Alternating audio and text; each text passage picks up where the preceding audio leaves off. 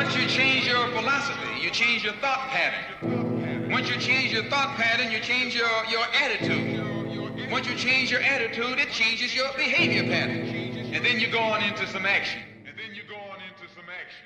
Assalamu alaikum wa rahmatullahi wa barakatuh. Welkom broeders en zusters bij wederom een aflevering van Dien en Dunia podcast. Nummer 16 alweer. En eh, ja, ik eh, kijk er echt naar uit. Net zoals de voorga- eh, voorgaande keren. Maar eh, nu is het toch ook eh, heel erg speciaal. Ik eh, ken deze broeder eerst via Facebook als Maarten El Hollandi. Dat was, zijn ja, dat was zijn introductie van hey, welcome world. En naarmate de tijd vorderde, hebben we een paar keer met elkaar gecommuniceerd, ook een paar keer elkaar gezien. En ik vroeg aan Mustafa Said, een van de gasten daarvoor, die de podcast samen met mij heeft gedaan. En ik zei van ja, ik ben toch wel op zoek naar eh, iemand die wat meer kan vertellen over eh, depressiviteit, burn-out, overspannenheid. Hij zei, ik ga jou linken met Maarten. Ik zeg, Maarten? Maarten van Elst. Ik zei, oh ja, hij heeft zijn naam weer aangepast naar Maarten van Elst op Facebook. Die zeggen, ik ken hem wel, dus eh, we hebben elkaar een paar keer gesproken. Dus dat gaan we gewoon doen. Dus toen dacht ik van, oké, we gaan hierover praten. Een paar keer gecommuniceerd via de app. Komt goed. Toen moest ik gaan nadenken, oké, wat ga ik dragen? Ik dacht van, ik ga gewoon de Sopranos dragen. T-shirt van de Sopranos, ja. Een van mijn favoriete, nee, mijn favoriete serie. Je moet er niet naar kijken, want het gaat heel veel eh, ja, ellende opleveren als praktiserende moslim. Eh, maar dat, de serie gaat dus ook over depressiviteit, psychotherapie eh, en een hele interessante serie. Maar daar gaan we het vandaag niet over hebben, over de serie zelf. En we kunnen misschien een keer een aparte podcast daarover houden. En heel veel gezeik krijgen van de omma van hey, hoe praat je over series, over dit en dat. Maar ik wil Maarten welkom heten, Maarten van Ja. Elst. Assalamu alaikum wa rahmatullahi wa barakatuh, broeder. Wa alaikum assalam wa rahmatullah. Jij bent vitaliteitscoach en je houdt je bezig met mensen die eh, depressieve klachten hebben of kunnen hebben. Eh, mensen die overspannen zijn, een burn-out hebben. En je bent heel erg bezig met eigenlijk eh westerse psychologie, islamitische psychologie. En hoe dat allemaal ja, samen kan komen. En hoe je eigenlijk eh, jouw eigen onderneming die jij hebt, Ja. hoe je dat eigenlijk het beste naar voren kan brengen om mensen te helpen. Klopt Ja. dat? Ehm, ik, nou, ik wil het een beetje eh, ja en nee. Ja, nee. Ehm, vitaliteitscoaching is meer uit het leven halen. oké. Ehm, weet je, hoe, ik, hoe, wij, hoe mijn vakgroep vitaliteit definieert, is, een- is werken aan een autonoom en zinvol leven. En betekent eigenlijk, weet je, waar ik me mee bezig hou, is dat we ehm eerste instantie zijn we bezig met basisbehoeftes. En dat betekent dus dat we iemand van overleven naar leven brengen. Ten tweede werken we heel veel met ethiek. En dan dat is een stukje zinsgeving van wat is nou, wat is nou een goed leven? En dan ook nog een derde pijler is, is performance coaching. Is van oké, ik weet nu wat ik wil. Ik heb nu de omgeving gecreëerd, weet je, van overleven naar leven, dat ik kan groeien en kan werken aan, aan verbeter, en beter worden. Eh, en dan wordt performance coaching, oké, weet je, willen is niet per se kunnen. Dus dan gaan we kijken, wat heb je daarvoor nodig? En dat is dus eh, aan de ene kant mentaal, maar ook fysiek, spiritueel, sociaal en, en omgeving. Dus het is eigenlijk heel breed. Ik ben, niet, ik ben geen psycholoog. Ik ben niet alleen- maar bezig met psychologie. Het gaat heel erg over een richting bepalen en effectieve gedragsverandering. Oké. Eh, je hebt drie fases eh, genoemd, of drie onderdelen. Ja. Kunnen we misschien daar wat inhoudelijk op ingaan? Van overleven naar leven. Ik vind Ja. het echt mooi. Ja, Ik wil hem bijna op mijn Facebook plaatsen. ja, moet zeker doen. Ja, Mij taggen. ja, ja ik ga je wel taggen, want eh, hey, de source ben jij. Ja, vertel daar wat meer over. Van overleven naar leven. Wat voor, Ja. Nou, dit is vooral super relevant voor onze islamitische doelgroep. Omdat eh, helaas hier in Nederland zitten wij eh, veelal in de lage sociale economische klasses. Ehm, maar op zich kun je ook perfect in een eh, overleefstand zitten als je de directeur bent. Maar in ieder geval, wat, wat wij zien als overleven, is dat je in een staat bent ehm, eh, waar je vaak gestrest bent, niet voldaan wordt aan je eh, basisbehoeftes. Waardoor je, eh, ja, wat, we weten, bijvoorbeeld stress, maar ook slaaptekort, bewegingsarmoede, eh, verkeerde voeding, eh, maar ook spirituele ziektes. Althans, dat, dat, dat, wat ik vanuit de islamitische bronnen eruit haal, niet vanuit de wetenschappelijke hoek. Maar in ieder geval, die, die geven een overleefstand. En dat houdt eigenlijk in dat je cognitief beperkt wordt en alleen maar bezig bent met het nu. Heel een mooi voorbeeld, als jij gruwelijke schulden hebt en ehm, je huur niet kan betalen aan het eind van de maand, dan ben je niet bezig met de huur van de volgende maand. Ben je alleen maar bezig met nu. Weet je, de huur van nu. Ik moet nu huur hebben, daarna zie ik wel weer. Eh, en, en waarom is dat niet gunstig? Is dat we zien dat mensen v- daarom vaak verkeerde beslissingen gaan nemen. We zien bijvoorbeeld dat financiële, er zijn onderzoeken die laten zien dat financiële eh, stress bijvoorbeeld zelfs eh, 10 punten van je EQ-test kunnen afhalen. Oké. Ja, dat is best, eh, best significant. Weet je? Dus je, ehm, je cognitieve, dus hoe, hoe goed je beslissingen kan maken voor nu en voor in de toekomst, dat wordt heel erg verminderd. Dus, eh, en natuurlijk op lange termijn heeft dat de gevolgen dat je eh, mentaal en fysiek of spiritueel ziek kan worden. Oké, dus van overleven naar leven, je wilt eigenlijk wat meer stabiliteit Ja. brengen. Ja. Oké, en dus je gaat van min iets wat naar nul. Kan ik het zo stellen? Ja, Ja, heel, ja, Ja. klopt. Eh, een tweede fase was Eh, nou, dan kom je dus in het levensfase. Eh, dan, ja. dan heb je dus een punt dat je niet alleen maar met nu bezig bent, met, over, met overleven. maar dan ga je dus kijken, oké, wat, wat, ik ga leven, maar wat, wat is leven? Wat is een goed leven? En dan ga je dus heel erg kijken naar ethiek. Wat vind ik belangrijk in het leven? Op, daar komen op zich ook alweer de basisbehoeftes in terug. Ehm, want wat we zien, bijvoorbeeld dezelfde terminatietheorie waar ik veel mee werk. Eh, dat is een motivatietheorie, maar die is in de jaren heel erg uitgegroeid. En die gaat uit van drie psychologische basisbehoeftes. Ehm, wat we dus zien eigenlijk dat zijn drie dingen die mensen de hakkel af even eh, bijhouden nodig heeft. Is dat eh, we hebben behoefte om bij een groep te horen. Dus dat is verbinding. Dat is de belangrijkste. Eh, een tweede is dat wij eh, graag goed willen functioneren binnen die groep. Dat is competentie. Dus dat jij eh, goed in iets bent en dat je daar waardering voor krijgt. Dus als je bijvoorbeeld heel goed een balletje hoog kan houden, maar niemand boeit dat, dan zal je dat waarschijnlijk ook niet heel erg belangrijk vinden. Helder. En als derde is autonomie, is dat jij zelf keuzes kan maken. En het interessante is, is vanuit wetenschappelijk punt, maar uit, vanuit islamitisch punt past dit perfect binnen onder andere de Maqasid al-Sharia en, en, en gewoon ook waar islam naar streeft. En vooral vind ik autonomie heel mooi, want autonomie is niet hetzelfde als eh, egoïsme of individualisme. Want je kan bijvoorbeeld, autonomie betekent dat jij het gevoel hebt dat jij keuzes kan maken. Ja. En jij kan bijvoorbeeld een autonome keuzes ma- keuze maken om jou volledig over te geven aan Allah. Weet je, eh, het toppunt van een, van een aanbid zijn, van een aanbidder, is dat je, wat ook eens vertaald als slaaf. Dus eigenlijk maak je een, en een slaaf is iemand die eigendom van is. Maar in islam kennen wij bijvoorbeeld, weet je, onze daden worden, er is geen dwang in islam, eh, onze daden worden beloond aan onze intentie. Dus eh, Allah wilt dat wij vrijwillig ons overgeven. Dat is Ja. islam. Ja. Dus ehm, weet je, op zich vind ik dat ook, weet je, het is, wat is ook onderbouwd dat als jij aan deze drie basiswaarden werkt, dat het eh, eh, bouwt aan jouw mentaal en daarmee ook je fysieke welzijn en performance en motivatie. En het past ook heel mooi in islam. Dus weet je, je kijkt eerst van, oké, wat is een goed leven? Dus dan gaan we ook kijken naar de basiswaarden. Heb ik een, heb ik, heb ik goede binding met mijn omgeving? Ehm, heb ik het gevoel dat ik iets goed kan, waar ik waardering voor krijg? En heb ik het idee dat ik zelf sta ik achter mijn eigen keuzes? Of worden die door externe dingen beïnvloed? Eh, en verder ook gaan kijken, ja, wat is een goed leven? Wat, wat, wat is belangrijk in het leven? Ehm, want als je als dat wat jij belangrijk vindt in het leven niet reflecteert in wat je aan het doen bent, gaat het ook frictie geven. Een heel makkelijk voorbeeld is bijvoorbeeld ehm, waar ik heel veel klanten mee struggelen, is, is hun religieuze identiteit en hun professionele eh, identiteit en werk. Weet je, als jij constant, als jij, weet je, het grootste deel van ons leven steken we in ons werk, ons wakker leven. Ja, is dat is iets wat eigenlijk, wat jij niet zo belangrijk vindt, dan gaat dat wringen. En dan, krijgen dus mensen constant... Ik heb wel een mooi voorbeeld van, bijvoorbeeld, er was een klant bij mij en die zei letterlijk, had een heel mooie baan, was consultant, met, eh, ging hartstikke goed, verdiende veel geld. Maar die zei van ja, weet je, eh, ik heb het idee dat het niks bijdraagt aan mijn islam. En dat Mhm. wringt heel erg. Het voelt een beetje nutteloos. En zo- zei hij, ja, moet ik niet gewoon tien stappen terug doen, simpel managementbaantje ergens krijgen en dan de rest van de dag in ons moskee zitten? Ehm, en het leuke is, we hebben dat eigenlijk heel makkelijk kunnen reframen door te gaan kijken, wat vind jij belangrijk in het leven? Nou, wat ik merkte bij hem, dat wat hij zelf zei, is van ik vind het heel belangrijk om mensen te helpen, om situaties te verbeteren. En hoe we het bijvoorbeeld bij hem kunnen reframen, is hij was management consultant en je komt daar natuurlijk dan om de bedrijfsresultaten te verbeteren. Eh, maar wat hij eigenlijk belangrijk vond, was dat mensen ook beter in hun vel gingen zitten.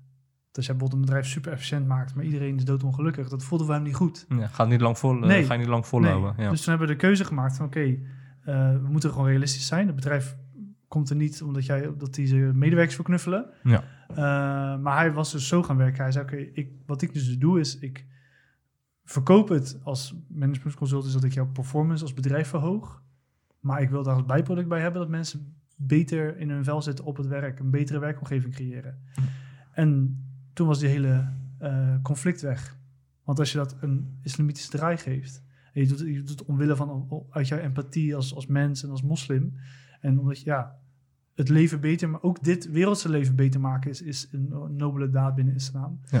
En dat is dus een mooi voorbeeld van dat iemands normen en waarden eh, gekoppeld moeten zijn aan wat je doet. Want anders op lange termijn, ik kan je wel korte termijn kan het volhouden. Ja, ja. Als jij eh, je wilt iets gaan doen en je hebt er geld voor nodig, dan kan je best even een rotbaantje hebben voor een paar jaar. Ehm, maar als je daar blijft hangen, dan krijg je conflicten. Een derde eh, onderdeel was? Performance coaching. Oké. Dus eh, ervoor zorgen dat jij de tools hebt om te kunnen doen eh, wat jij wilt doen. Weet je, en dus, vooral omdat ik, ik kom natuurlijk, mijn achtergrond ligt in de sport en in de zorg. Ik heb een HBO-opleiding gedaan richting de anesthesie, zoals mensen verdovingen geven tijdens operaties. En ik heb altijd, ik kom zelf, voordat ik moslim was, ik in de wedstrijd bodybuilding. Ik heb altijd in de sport gezeten. Eh, ik heb mijn bedrijf, heet Moslimfit. Heb ik heel, heel, heel lang ge... Het was in het begin ook echt wel moslim fitness. Dus iedereen denkt nog steeds sowieso bij mij, maar ook gewoon überhaupt los, als, los Hm. als mij zien. Als mensen denken aan vitaliteit, denken ze gelijk aan gezondheid.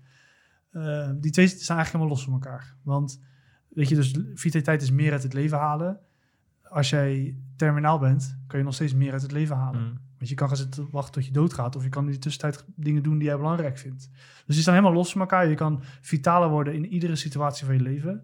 In de tijden van gezondheid en niet gezondheid. Maar aan de andere kant, weet je, het leven is al makkelijker als je goed in je vel zit. Ja. Mentaal, fysiek, spiritueel. Uh, dus daarna krijg je gewoon coaching van uh, makkelijke dingen tweaken aan je gezondheid. Zodat je beter kan functioneren, zodat je tegen een stootje kan. Uh, maar het kan ook heel specifiek worden. Kijk, ik, uh, coachen kan je natuurlijk eigenlijk op alle vlakken doen. Ja. We kunnen gewoon kijken, wa- waar loop je tegenaan? Hoe kunnen we dat verbeteren? Helder. Ik, uh, ik vroeg me ook echt af van, oké, je hebt deze drie punten heb je aangegeven. Je hebt uitleg gegeven hoe jij te werk gaat. Je hebt ook een paar keer spiritualiteit heb je ook gebruikt. Ja. En de voorbeelden die je ook hebt gegeven zijn ook een beetje dunya gerelateerd. Kom ik zo inshallah misschien op terug. Uh, dus een niet-moslim kan niet bij jou aanmelden? Jawel, ja. Want um, een groot deel van, van mijn werk is gestoeld op wetenschappelijke uh, uh, theorieën. Die aangetoond hebben dat als je dit doet, zit iemand beter in zijn vel. Ja. Um, en, en over het algemeen in de westerse literatuur wordt spiritualiteit daar niet in meegenomen. Dus. Uh, maar dat is wel een onderdeel van uh, het helpen van een individu. Ja, ja dus... Hoe ga je dat combineren met een niet-moslim die sowieso heeft van ja, dankjewel Maarten, maar uh, ja. Kijk, dat God-aspecten ja. moet Kijk, je niet het, hebben. Het, het, ik, ik, ik, momenteel market ik mezelf als moslim. Uh, specifiek omdat ik inderdaad geloof. Weet je, ik, ik zie islam als de waarheid. Dus een ultiem welzijn in dit leven, maar ook niet onbelangrijk in het volgende leven. Uh, daar heb je islam voor nodig. Um, uh, een mooi voorbeeld waarom ik dan ervoor kies om dat wel op de voorgrond te zetten, is mijn, mijn zus vroeg me ooit een keer: zou je dan ook willen dat ik moslim werd? En toen gaf ik het voorbeeld van: weet je, ik hou van jou ja. uh, en ik wens het beste voor jou. Dus ik wens voor jou een goede gezondheid. Maar ik denk ook dat islam het beste voor jou is. Dus het zou heel raar zijn als ik voor jou hou en jou niet het beste gun. Juist. Dus um, ik, ik zou iedereen het beste gunnen en dat is islam. Ja. Aan de andere kant gun ik iemand natuurlijk, als, als iemand dat niet wil accepteren ja. of er gewoon niet mee aan de slag wil, dan gun ik hem altijd nog het beste in zijn situatie. Ja. Dus dan kan ik wel werken met iemand die geen moslim is. Oké, okay, dus een niet-moslim kan wel worden gerehabiliteerd conform de ja. protocol wat je hebt Zeker, aangegeven. Ja. Oké. Okay. Um, van uh, overleven naar leven, ik vind het een geweldige. Uh, ja, stelling. Um, Wat je merkt is eigenlijk, wat ik dan merk, is dat er eh, heel veel problemen die er ontstaan bij mensen eh, kunnen worden gelinkt aan de huidige way of life die wordt gepromoot. Het Ja. westerse manier van leven. Eh, en om eerlijk te zijn, in Nederland hebben wij wel een, een hoge standaard van leven. Zeker. Oké.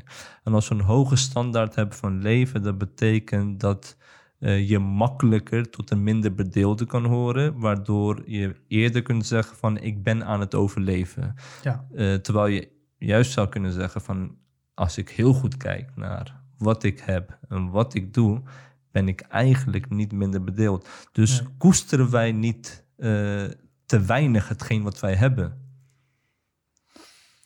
Waardoor wij ja. dieper in een probleem komen van hé, hey, ik zie het even niet meer zitten. Terwijl je misschien eh, eh, 2.500 euro per maand verdient netto. ja. Ja, zeker. Ja. Eh, maar dat is het makkelijke antwoord. Dus ja. Oké. Het moeilijke antwoord is, is dat wij mensen sociale schepsels zijn. Ja. eh, die constant eh, onszelf reflecteren naar de omgeving en de maatschappij. Ja. Eh, en ons kan zeker dingen aangesproken. Kijk maar marketing. Dus ik, ja, het is heel makkelijk om te zeggen ja. Maar weet je, hetzelfde met, met bijvoorbeeld met overgewicht. is ook gewoon minder eten. Het klinkt heel, het klinkt heel simpel, Simpel. maar de uitvoering is heel moeilijk. Niet omdat... Tell me about it. ja, weet je, niet Ja. omdat iedereen zwak is, Ja. maar omdat er gewoon, inderdaad, wat je net zei, de maatschappij zendt heel hard een ander signaal uit. Ehm, dus het makkelijke antwoord is ja. Ja. Het moeilijke antwoord is nee. Je kan zeker, eh, zelfs, zelfs in rijkdom, weet je, als, je- als jij, en dat is, en dat het makkelijke antwoord is altijd te zeggen, ja, dat is gewoon zwak en dat moet je gewoon niet doen. Ja. Maar ja, zo, werkt, zo makkelijk werkt het niet. Zo, zo, zo, mak- zo simpel zijn mensen niet. Nee, nee Daar klopt. moeten we veel voor doen eh, om, om, zo'n, om zo te, te kunnen denken. Maar dus de toevoer vanuit eh, de maatschappij om eh, individueel sterk in je schoen te staan, succes te hebben, Ja, eh, eh, ja, gaan voor eigen gewin, eigen genot. Ja, dus daar ligt eigenlijk de roots of the problem, denk ik, toch? ja voor een heel groot deel, Mm, zeker. eh, ja. Ja. En hoe kunnen wij dat? Want kijk, in feite, het is een probleem eh, op eh, maatschappelijk gebied. En jij bent bezig eigenlijk om bijna te vechten tegen bierkei, omdat je individuen Ja. moet gaan helpen Ja, om dit te laten inzien.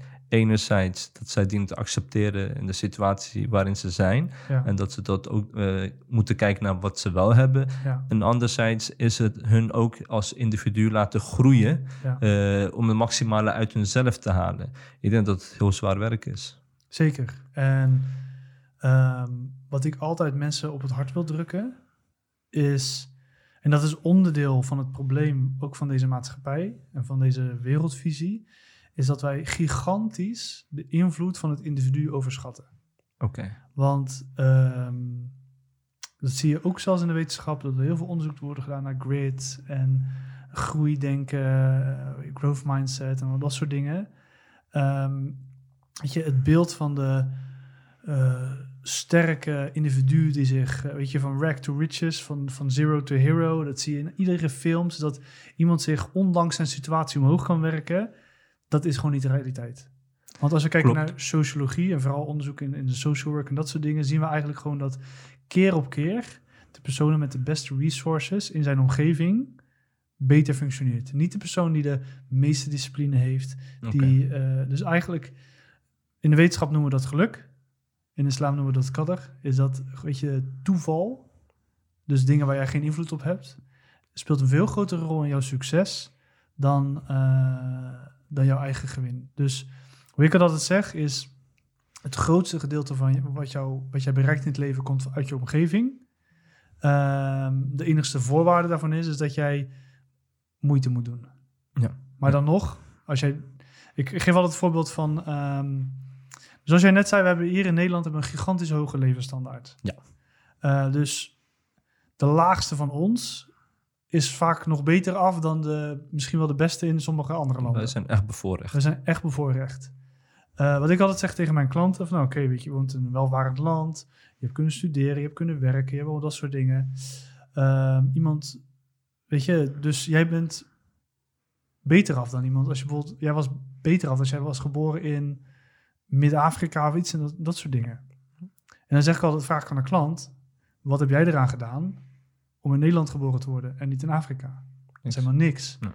En dan gaan bij mensen vaak het kwartje vallen van, oh ja, het feit dat ik in Nederland ben geboren, heeft mij een, zoveel meer resources gegeven dan als ik in Afrika was geboren. En dat is eigenlijk het makkelijkste voorbeeld. Ja. Eh, maar we willen dat maar niet. eh, het, het, het nadeel is dat je dan ehm, het idee van dat jij jezelf omhoog kan werken, de American Dream, Ja. is heel verleidelijk, want dan heb je niemand anders nodig. En dan, dan heb je altijd de hoop dat je er altijd nog kan komen. Terwijl iemand in Afrika gaat nooit een nieuwe Bill Gates worden. Nee. Dus, eh, en, dan, en dat is dus eigenlijk, weet je, dat maakbare geluk. Ja, dat is gewoon niet zo. En eh, daarom vind ik dat spirituele zo belangrijk. Ja. Want als jij eh, atheïst bent, is dat heel vervelend om te horen. Ja. Want er is er maar één leven. En dan krijg je gewoon te horen van, oké, als jij per toeval de verkeerde kaart hebt gekregen, dan ben je gewoon eh, de sjaak. Dan heb je gewoon pech. Eh, en dat is denk ik ook waarom denk ik religie zo'n zo'n belangrijke rol speelt. Ehm, want dan kan je dat ook beter plaatsen. Ja. En dan zie ik dat het maar tijdelijk is. Ja. Maar dan heb je ook moslims eh, die ja, angstig voelen. Ja, zij hebben depressieve klachten. Eh, ze raken overspannen, hebben burn-out. Ja. Maar als je aan de moslim gaat vragen over de concepten van islam, rizq, ajal, tawakkul, dan kunnen ze dat vloeiend uitspreken. ja, Vloeiende definities geven. Deze geleerde dit en dat gezegd. En ik moet zus en zo naar het leven kijken vanuit islam. ja, Maar ze voelen zich somber. ja. How? Nou, ik denk wat, wat wel heel belangrijk is, is dat, dat zei een docent van mij ooit een keer. Ehm, die zei, er is een verschil tussen iets met je hakkel geloven, met je, met je ratio. Mm. Dat jij eh, snapt dat het zo is. En het geloven met je kalp, met je, met je hart. Weet je, dat je er spiritueel van overtuigd bent. Dus dat is stap één, weet je. Ja. Het is heel leuk dat jij eh, kan opnoemen hoe Rizk werkt, maar geloof je er ook in? Of Ja. ben je er alleen rationeel van overtuigd dat dat een logische verklaring is? Eh, dus dat is punt één. En punt twee is denk ik, ja, het is ook nog eens een verschil tussen ehm, het een keer leren en het daadwerkelijk leven. En vooral, Ja. als, dat, is, dat kom ik hier met de omgeving, is dat de hele omgeving een ander beeld laat zien. Ik denk wat een, een construct is, wat ik heel vaak aan al mijn klanten altijd vertel, is dat wij nu in een tijd leven waarin de uitzondering de norm is geworden. Ja. Eh, en dat is vooral voor onze jongeren, wat, wat jongere eh, luisteraars, de millennials en alles interessant, omdat er wordt altijd geroepen dat millennials eh, lui zijn, niet hard kunnen werken, laag impulscontrole hebben. Simon Sinek, ik vind het heel leuk om er allemaal leuke verhaaltjes over te vertellen. Maar ten eerste, het grappige is, wetenschappelijk is het onjuist. Want als we uit onderzoeken lezen, zien we dat onze generatie zelfs een hogere impulscontrole heeft en zelfs harder kan werken dan, dan de generatie voor ons. Wat we wel uit heel veel studies constant terugzien, is dat al onze, mijn generatie zeg maar, veel perfectionistischer is. En dat is eigenlijk dat stukje van de uitzondering is een norm geworden. Want eh, we leven nu in een tijd, wat jij net ook zei, we hebben heel veel kansen. Eh, we leven ook in een tijd van massamedia. En de wereld, en wat ik je net al een beetje vertelde over eh, weet je, het maakbare geluk, het, het individu kan alles maken. Wij worden constant verteld eh, dat wij alle mogelijkheden hebben. Ja. Dat we alles, omdat we hebben zoveel, we hebben nog nooit zoveel resources gehad, we hebben nog nooit zoveel toegang tot kennis gehad en dat soort dingen. Ja. En wat ons dus, wat, wat ons, weet je, en wij kunnen dus alles doen wat we maar willen. Ja. En op social media zien we heel veel mensen die dat ook do- doen. Weet je, Ja. mensen van een twintig zijn een miljonair, YouTubers die door filmpjes maken miljoenen verdienen. Ja. Eh, er zijn mensen die eh, wereldlijk echt een perfect leven hebben. Ja. Dat kan je gewoon niet ontkennen. Ja. Op super jonge leeftijd. En ehm, dus, maar als, als je, de, de ene kant is dus als jij gelooft dat je alles kan bereiken, als je maar hard genoeg werkt, als je maar slim genoeg bent, als je maar de juiste dingen doet, eh, is de andere kant van die medaille, is dat als je dat dus niet bereikt, is het ook allemaal jouw schuld. Ja, en dan is de klap heel hard. Ja. Ehm, maar als we naar de realiteit gaan kijken. Dus het beeld is van je kan alles bereiken wat je maar wilt. Eh, als we gewoon kijken naar economische onderzoeken, sociale studies, dan zien we dat in Amerika bijvoorbeeld eh, de kans dat je een sociale stap hoger gaat, is nog nooit zo klein geweest. En de coronacrisis is daar een perfect voorbeeld van geweest. Als je economische cijfers ziet, is dat de armen of de, en de middenklasse heel veel schade hebben bereikt. En de 1% is, heeft super winst gedraaid. Alle online businesses en we zien nu steeds meer automatisering, waardoor er nog meer banen wegvallen. Dus de realiteit is gewoon dat, eh, dat die American Dream bestaat gewoon niet meer. Het is hartstikke dood. Of Als het er überhaupt ooit geweest was. Exact, dat is, het is altijd een nightmare geweest. Eh, Ja, Ja. eh, alleen wat gekon- en dat is een andere, dat is het moeilijk van deze tijd, dat wij nu massamedia hebben. Hm. Voor social media, eh, of als we gewoon nu aan jou vragen, hoeveel mensen ken jij persoonlijk goed die de American Dream verwaar- ver- verwaarlijkt hebben? Misschien Een aantal. een aantal. Een aantal. Maar, nou, Nou, ik en denk dat ik er misschien twee ken. En, en, maar dat komt ook, en eh, ik ken al heel veel mensen omdat ik in de stad woon. Maar bedoel je dat ze miljonair zijn geworden Ja, of succesvol? Nee, miljonair bijvoorbeeld. Hoeveel multimiljonairs ken jij? Ja, er zijn een aantal, ja. Ja, Ja. mashallah. Goede connecties. Eh, goede connecties. ja, Ik, ik ken iemand... Ik ken volgens mij... Ik heb nooit, eh, nooit gevraagd hoeveel geld heeft. maar- Nee, dat heb ik ook nooit gevraagd, ik ken maar één iemand je merkt wel het een en ander. Ja, ik ken één iemand waarvan ik waarschijnlijk denk dat hij echt al miljonair is. Ehm, maar dat komt eh, eigenlijk de reden dat ik hem ken is ook weer door social media, dat soort dingen.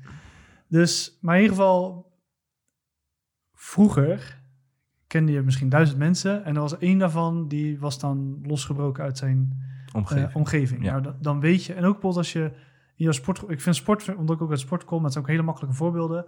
Loop gewoon een sportschool in, een normale sportschool, en kijk hoeveel echt mensen met een supergoed lichaam er zijn. Ja. Dat is misschien 2%. Ja. Van de duizend zijn er misschien twee, drie die echt een heel goed lichaam hebben. Eh, helemaal als je gaat kijken naar wie, wie geen eh, onder de tafel verboden supplementen gebruiken. Ja. Weet je? Dus natuurlijk heel gespierd. Er zijn maar heel weinig Heel mensen. weinig, ja. Als je dat ziet, dan snap jij, oh, dat is niet normaal. Dat is een uitzondering. Uitzondering. Het is niet normaal dat jij Ja. van nature gewoon heel gespierd bent door een beetje te sporten. Want ik doe hetzelfde. Al deze mensen in de sportschool doen hetzelfde, maar ze zien niet zo uit als hem. Ja. Dus er zal er wel iets bijzonders zijn aan die persoon. Wat is er nou gebeurd door massamedia? Eh, als jij dus één op de duizend is misschien succesvol. Ja. Maar ja, als je dus met social media hebben, kun je, kan je iedereen in heel Nederland bereiken. Dan wordt, als je dan ineens 1 op de 1000 op 17 miljoen hebt, ja, dan heb je duizenden mensen, van, heb je duizenden uitzonderingen. Nou ja, als ik een tv-programma maak en ik maak allemaal van tip, over por- portfolio's van mensen die niks bereikt hebben in hun leven, gaat niemand kijken. Klopt. Je ziet, maar wat is wel interessant, mensen die een bijzonder een, een successtory. Ja. En wat, omdat we dus zo'n massa bereik hebben, Ja. kan je letterlijk jarenlang iedere dag een Hm. nieuwe uitzondering laten zien. Dus weet je, wij die constant tv kijken, radio luisteren, het krant Hm. lezen en social media zijn nog een erg voorbeeld. Want het algoritme is alleen maar op, weet je, als mensen iets liken, dan wordt het gepusht. Als iemand iets niet interessant vindt, krijgt niemand het te zien. Dus je krijgt alleen maar de dingen te zien die leuk en, en bijzonder zijn. Succesvol alles. En happy faces allemaal. Ja, Ja. dus als ik in de sportschool rondloop en naar mezelf kijk, denk ik, oh, ik doe het niet zo verkeerd. Mm. Als ik mijn Instagram open en ik zoek op hashtag bodybuilding, dan zie ik Mm. het algoritme. al- En dan, dus vroeger kon iemand zeggen, ja, oké, die drie mensen is bijzonder. Dat ik Ja. niet zo ben, is niet raar, want niemand is zo. Ja. Als ik op Instagram kijk, dan krijg ik door het algoritme alleen maar mensen over de hele wereld. Heb ik niet over 17 miljoen mensen, Nee, over heel, de wereld. ja. Miljarden mensen. Nou, dan zijn, heb je ook, dan heb je misschien wel een miljoen uitzonderingen. Dus ik zie alleen maar mensen die de 1% zijn. Ja, ja. Maar omdat ik die alleen maar zie, gaat het normaal worden. Ja. En dan krijg je dus het geval, is dan gaan mensen dus allemaal hunzelf eiken naar de profvoetballer, naar de DJ, naar de, Ja. de Ja. sporter met freaky genetics die iets bereikt wat, wat wij never nooit zouden kunnen. Ja. Ehm, en dan wordt dat normaal. Ja. En dan krijg je een probleem. Als jij denkt dat je alles kan bereiken wat je maar wilt, en je succes gaat schalen naar exceptionele uitzonderingen. Ja. Ja, en dan krijg je dus dat je, ga, je zet de lat te hoog, je haalt het niet. En dan zegt de maatschappij, nou, het had wel gekund, dus het is je eigen schuld. Ja, en Ja. dan word je depressief. Dan word je teleurgesteld en dan word je eh, niet blij. Ehm, dus dat zorgt voor moslims die. Ja, maar is dan de, zijn dan de concepten van de moslims eh, verwaarloosd? Dat ze eigenlijk, eh, eigenlijk moeten ze kunnen zien: van luister, jullie zijn zo materialistisch ingesteld. dat eh, het leven in het hier en nu alles is. En je moet geluk bereiken. Binnen de kaders van islam zelfs. Ja. Maar dat daar de voornaamste focus op wordt gelegd. En maar dan kun je toch ook als moslim zeggen van... joh, ik neem afstand van deze meute. Dat het een hele Ja. grote meute is. En ik neem afstand van degene die ook deze meute gaat volgen. Ja, Ik ga gewoon back to the basic, naar de root. En de profeet sallallahu alaihi wasallam heeft gezegd... ja. als jij kleding hebt, je hebt een dak boven je hoofd en je hebt eten voor een dag. Het is alsof jij de hele wereld hebt. Ja, Eh, de profeet sallallahu alaihi heeft gezegd van leef op deze aarde alsof je een reiziger bent. De profeet Mohammed sallallahu alaihi heeft gezegd van deze wereld is een gevangenis voor een gelovige. ja.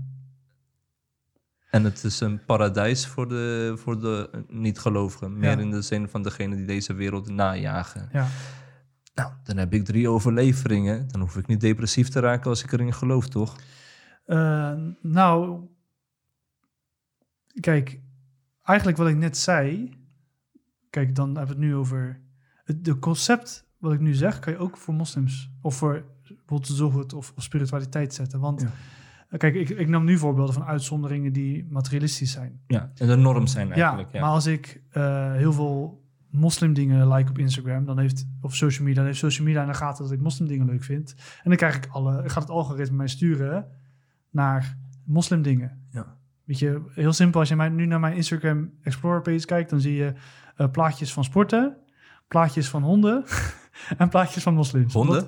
Ja, ik ben, ja, ik ben een hondenfan. Oh, ik ben echt bang voor honden, man. Ik weet het, ja. Dat is voorbeeld van bekeerling, hè. We zijn een soort nightwalkers. Wij kunnen... of daywalkers.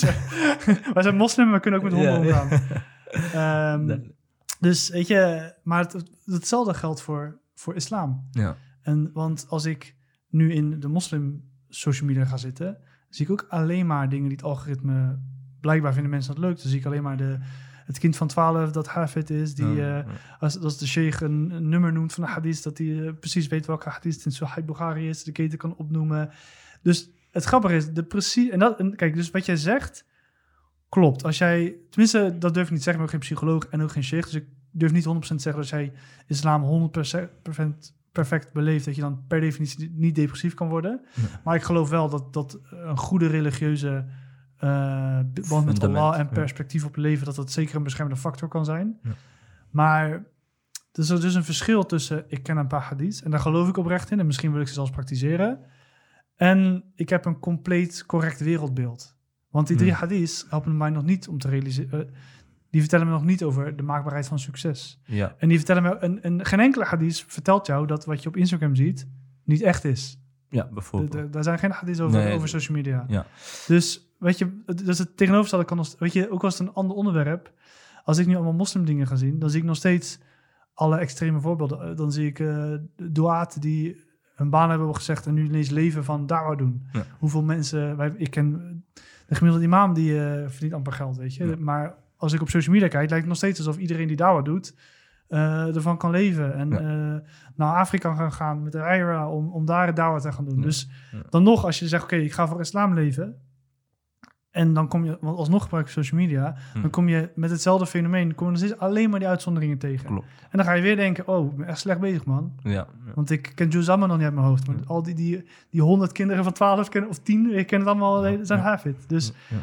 Ehm, ik denk dat wij naast eh, gewoon traditioneel een goede blik op het leven hebben, Ja. moeten onze shuyukh of de vitaliteitscoaches, en gewoon Ja. de mensen ook leren hoe je als moslim om moet gaan eh, met de moderne uitdagingen. Ja, en dus waar je ook de juiste tevredenheid dient te zoeken. Ja. Dus ik denk dat onze werk in het Westen, eigenlijk overal in de wereld, want in Ja. het Midden-Oosten liggen ze er Ja. ook niet om met eh, alle fancy stuff, Nee, dat het opvoeden van onszelf, van onze kinderen en het creëren van een sterke omgeving Ja. nog eh, zwaarder is vanwege de invloeden die er zijn. klopt. Ja. ja. En dan denk ik ook, daar ben je ook waarschijnlijk ook met me eens, dat als er een islamitische omgeving zou zijn, met een islamitische eh, regel en wetgeving, en een politieke entiteit, dat Ja. hiermee heel veel dingen of volledig worden gecoverd, Ja. of juist worden benadrukt, zodat mensen eh, met een juiste visie het leven in kunnen gaan. Zeker. Ja. Ja. want dat is net ook wat ik zei, is dat ehm, het is niet eerlijk om dat kind uit Afrika Ja, de schuld te geven dat hij niet zo welvarend is als de gemiddelde Nederlander. Ja. Dus dat is, dat is niet, ook, niet, ook niet zijn, zijn verantwoordelijkheid. Dat, is de op, dat zijn de verantwoordelijkheden van eh, de maatschappij. Ja. Dus, en de ehm, politici eigenlijk. Ja, Ja, ja. ja. dus ehm, de maatschappij, de staat, heeft een verantwoordelijkheid Mm.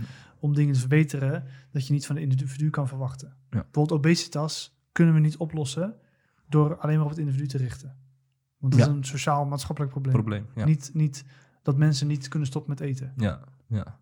En dat wordt eh, aangedikt, no punch intended, door eh, eigenlijk eh, ja, dat je gewoon moet leven, moet kunnen genieten, moet kunnen doen Ja. en laten wat je wilt. Ja. En deze slogan en stelling, de YOLO Ja. way of life, zorgt ervoor dat je in zulke situaties terecht kunt komen. obesitas, ja, ongelukkig zijn. ja, Ik heb ook een keer, eh, ja, toen ik ook bezig was met het onderwerp, moest ik denken aan het eh, leven van de profeet Mohammed sallallahu alaihi wasallam. Hij leefde ook in een maatschappij, een Mekkaanse gemeenschap, maar hij zonderde zich eh, af. ja, heeft hij twee jaar lang gedaan voordat de openbaring kwam. En ik heb me heel vaak ook afgevraagd van oké, deze stap van afzonderen. En mensen hebben natuurlijk hun visie over Ja. afzonderen. Maar ja, hij heeft ook gekeken naar de kwalen in de maatschappij. ja, En hij heeft ook gezien hoe mensen daar ook eigenlijk geluk op een bepaalde manier eh, streven. Eh, de sociale problematiek, eh, economische problematiek. En dan ben je ja, als persoon zijnde ook aan het zoeken naar een oplossing. ja. En de oplossing is dus gekomen middels uh, overpeinzen over de maatschappij, middels ook meditatie, Ja. middels ook afzondering.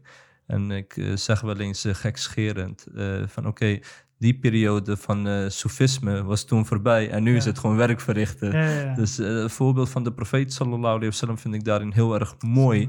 Van dat hij echt zich heeft ingespannen om te denken van oké, hoe, moet, hoe moeten wij deze problemen oplossen? Tuurlijk, hij is de profeet sallallahu alaihi wasallam. Vanaf dag één was hij al de profeet. Ja. Maar we moeten ook eh, het leven van de profeet sallallahu alaihi wasallam op een, hoe zal ik het zeggen, toch een, een uh, menselijke manier ook bekijken. Ja, Want ja. hij is ook een persoon met emoties en gevoelens. En het moet niet zo zijn van oké, ja, hij is perfect. Maar dat het gewoon enkel een film is. Dus eh, eh, hij heeft emoties, hij moet ook reageren. Ja. En soms wachtte hij er gewoon op antwoorden. Maar nadat de openbaring ook kwam, betekent het wel, er is nu werk aan de winkel. Dus de islam geeft oplossing voor, eh, voor het individu. Ja. Islam eh, geeft, geeft oplossing voor hoe wij met elkaar dienen om te gaan. Ja. En islam geeft oplossing voor de societal problems. En dat is hetgeen wat de profeet wasallam in alle lagen probeerde te implementeren. Ja. Met als hoofddoel van oké, wij moeten onze eigen society creëren. En vanuit die society moeten wij eh, islam gaan verspreiden. Ja. Waardoor wij allemaal, alhamdulillah, ook moslims zijn geworden. En ik denk dat deze mindset heel erg belangrijk is om Ja. deze kwalen ook tegen te gaan. Wil niet zeggen dat eh, werk wat jij doet en Ja. anderen doen, dat het onbelangrijk is. Nee, zeker niet. Want eh, eh, het lijkt misschien dweilen met de kraan open, maar dat betekent niet dat we stil moeten zitten. Nee. Dat wij zeggen van oké, is goed. We hebben nu niet de totale oplossing die nu helaas niet is geïmplementeerd. Dus dan wachten we daarop. Nee, Ja. jij moet mensen helpen. Eh, en ik vind dat wij allemaal elkaar indienen te helpen in de klachten die er zijn. Maar ik denk dat het wel voor de moslims belangrijk is om te weten van hé, waar komen deze problematieken vandaan? En ik ben wel, ja, misschien hebben we daar een, misschien een meningsverschil over. Ik ben er wel van overtuigd eh, geraakt dat eh, misbegrip van concepten vanuit islam ervoor zorgen dat de moslims in een dieper dal komen. Dus Ja. misbegrip, of in ieder geval niet misbegrip. Hoe kan ik het juist formuleren voordat ik eh, allemaal... wat, wat ik heel vaak zie Ja. bij klanten, Ja, is ehm, door, een, door het niet volledig begrijpen van de islam, van islam, ja, dat ze bepaalde theorieën vanuit, niet vanuit de islamitische bril gaan zien, maar vanuit een westerse bril. Een mooi voorbeeld is, eh, ik had een klant die werkte keihard en die ging eraan kapot. Eh, en zei ik, ja, dat is niet handig, hè, want dat is niet gezond voor je. Zei ja, maar toen kwam hij gewoon doodleuk. Ja, maar kijk, Omar radiyallahu anha, die, eh, die viel ook gewoon op straat flauw, omdat hij zo hard werkte. oké. En, het is dus, en, en dat zie ik dus dat heel vaak mensen, goed bedoeld, hun eigen zwaktes goed praten met Ja, islam. Maar dat is de ziekte, de selectieve tekstenkeuze Ja. om jouw eh, Ja. selectieve handeling te Ja. rechtvaardigen. En dan neem je niet van één onderwerp alle teksten mee. Ja, hetzelfde bijvoorbeeld ik net zei met die uitzondering. Ja, We horen van mensen, ja, eh, da- daarom ook altijd soms een beetje nerveus als, als bijvoorbeeld imams op de minbar over ihsan gaan praten. Van ja, we moeten het best... Ik denk van, ja, ik snap wat je bedoelt, maar 90% van de mensen snappen dat niet. Die Nee. denken met het beste uit mezelf halen. Dan gaan ze weer naar kijken naar eh, wat, wat de norm is volgens so- social media. En dat Ja. is hartstikke toxisch. Weet je, is hartstikke eh, ongezond. Dus op, ik weet niet of je dat bedoelde, maar dat is wel wat ik heel vaak zie bij klanten. Is het reframen van hun... Eigenlijk, weet je, het is heel raar. Soms komen mensen, willen ze gewoon lekker in de vel zitten. Of ze willen eh, fysiek gezonder worden. Of ze willen beter op functioneren op hun werk. Dan begin ik ineens een soort filosofisch over de zin van het leven. eh, en de realiteit van succes en dat soort dingen. Maar dat zijn eigenlijk de fundamentele, een goed, goed wereldbeeld, Ja. islamitisch. Eh, zonder dat kan je niet holistisch, Juist. functioneel functioneren in, in, in, in de wereld. Klopt. Ik denk mensen die ook eh, de klachten hebben, zij eh, veelal hebben zijn stelling. Eh, en die stelling is veelal van oké, het lukt mij nu niet om financieel eh, gezond te zijn. Ik wil eerst financieel gezond worden. En dan kan, kunnen de islamitische teksten aan te pas komen of islamitische filosofie aan te pas komen. jou te helpen, maar je hebt voor jezelf al een stelling genomen. Ja. En het financieel gezond zijn is enkel één onderdeel van jou als mens zijnde. ja. Eh, wat als Allah subhanahu wa ta'ala voor jou heeft bepaald dat jij momenteel niet financieel gezond bent? Hoe ga je daarmee om? Want jij gaat nu al een beperking op jezelf leggen. En daarom denk ik dat wij onszelf wel, me included, ons allemaal dienen te resetten Ja. en te kijken van oké, is goed. Waar kom ik vandaan? Waarom ben ik hier? En waar ga ik naartoe? Ja. En dan kun je uitdagingen kun je veel makkelijker plaatsen. ja. En, en de eh, lot en bestemming kun je veel makkelijker voelen. Ik zeg altijd van, wij kunnen heel mooi over qada en qadr praten. Eh, maar je gaat het pas voelen als je wordt uitgedaagd over qada wal qadr. Over lot en bestemming. Ik kon heel makkelijk vroeger praten over van eh, eh, geld verdienen. Het is heel erg belangrijk. Family life. Je Ja. moet stabiel zijn. En degene die niet werken, ja, dat is niet goed. Maar ja, misschien kunnen ze niet werken. Ze Ja. worden niet aangenomen. En dan denk ik van ja, ze hebben niet een beter hun best gedaan. Ja. Maar dat is hun uitdaging op dat moment. Klopt. En, en ik denk dat wij dat heel erg eh, missen. Dus wanneer wij een uitdaging hebben, betekent niet dat on- al onze concepten eh, meteen moeten vervallen. Juist dan heb je het begrip van de concept nodig om bepaalde dingen te kunnen plaatsen. En ik denk dat wij daarin eh, ja, onszelf wel in de voet schieten. Dat wij de concepten eh, niet gebruiken wanneer het nodig is. ja. 100% mee eens. Ja. Eh, en wat je nu ook merkt, bijvoorbeeld een uitdaging bij de moslims, is het concept van risk, bijvoorbeeld. Ehm, heel veel mensen, wanneer zij studeren en wanneer ze worden geprezen om hun, eh, om hun kennis binnen de dunya, en het lukt ze niet om een succesvolle manager te worden, en dan gaan ze maar taxichauffeur worden. Ja. Ja, dat doet dat met de mens. En Ja. ja, hoe, wat voor advies zou je daaraan kunnen geven? Ik heb, eh, ik heb Ja. vernomen, je bent geen psycholoog of een sheikh, Ja, maar je hebt wel levenservaring en ervaring op je werk. En dat telt ook voor iets. Laat ik dat zeker gezegd hebben. Ja, kijk. ehm, wat ik altijd zeg tegen mensen is... ehm, als we dus eerst een goed wereldbeeld hebben gecreëerd... van oké, hoe werkt deze dunia? Ehm, hoe maakbaar is succes en wat heb je daarvoor nodig? Eh, de simpele... Wat ik altijd zeg is... Het is goed om ambitieuze, ambitieuze doelen te hebben. Eens. En die Ja. mogen... Zo, weet je, dat zien we ook in onze traditie. Het is toegestaan. Het is halal. Ja, weet je, de profeet sallam Je mag geld verdienen. Tijdens de sl- eh, slag van de Greppel Ja. zat hij ons te vertellen dat we Constantinopel gingen innemen. Ja. Dus op de worst moment, op het moment dat ze hun eigen, letterlijk de last stronghold of islam aan het, aan het verdedigen waren, zat de profeet sallam te vertellen dat ze eh, eh, het grootste rijk op dat moment gingen omver toppelen. Ja. Ehm, alleen, wat, maar we hebben wel gezien dat het nog... Dus, dus de Sahaba op dat moment hadden die intentie al. En, want ze geloofden daarin. Ja. Maar tussen niet, hun is het niet gelukt. Klopt. Dus ehm, weet je, grote ambities mogen en zijn heel goed. Alleen ehm, een hele gezonde en gewoon wat is Allah van ons verwacht, is wij hebben geen invloed op, het, op de uitkomst, op het resultaat. Ja. Dus met andere woorden, ehm, en, en dan wordt heel erg belangrijk, wat ik net zei, is die ethiek.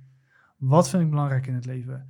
Ehm, wat vind ik het moeite? Wat vind ik leuk? Wat vind ik belangrijk? Dat zijn niet altijd twee dezelfde dingen. Uh, maar dus met het gegeven dat je niet weet of je het gaat halen of niet, kan je maar beter voor zorgen dat datgene wat je doet uh, past bij jou. Ja. Want een mooi voorbeeld, um, als jij, stel voor iemand wilt rijk en beroemd worden, Eh, en, en hij ziet YouTube daarmee bijvoorbeeld als de optie of profvoetballen, weet ik veel wat.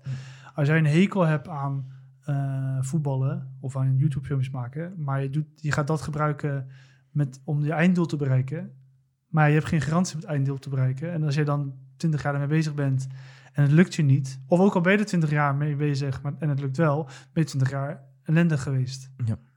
Dus weet je, met vitaliteit ben ik heel erg bezig. Hoe gaan we zinsgeving vinden in datgene wat je doet? En ook erop gaan focussen dat we je leven op zo'n manier gaan in elkaar zetten. Ja. Dat je eh, leeft naar jouw normen en waardes.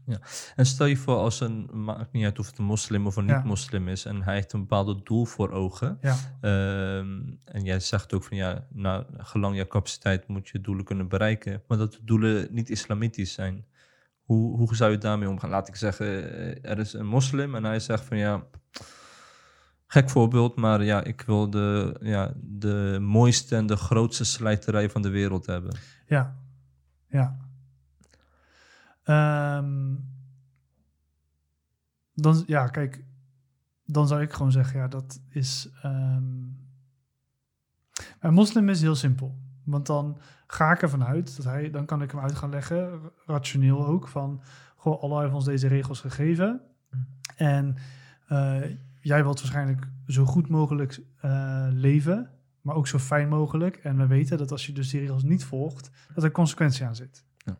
Eh, en die regels zijn er ook niet voor niks. Dus eh, weet je, dan heb je gewoon weet je, het baraka en tegenovergestelde, weet je, het, het- je krijgt bestraffing in dit leven of het volgende. Ja.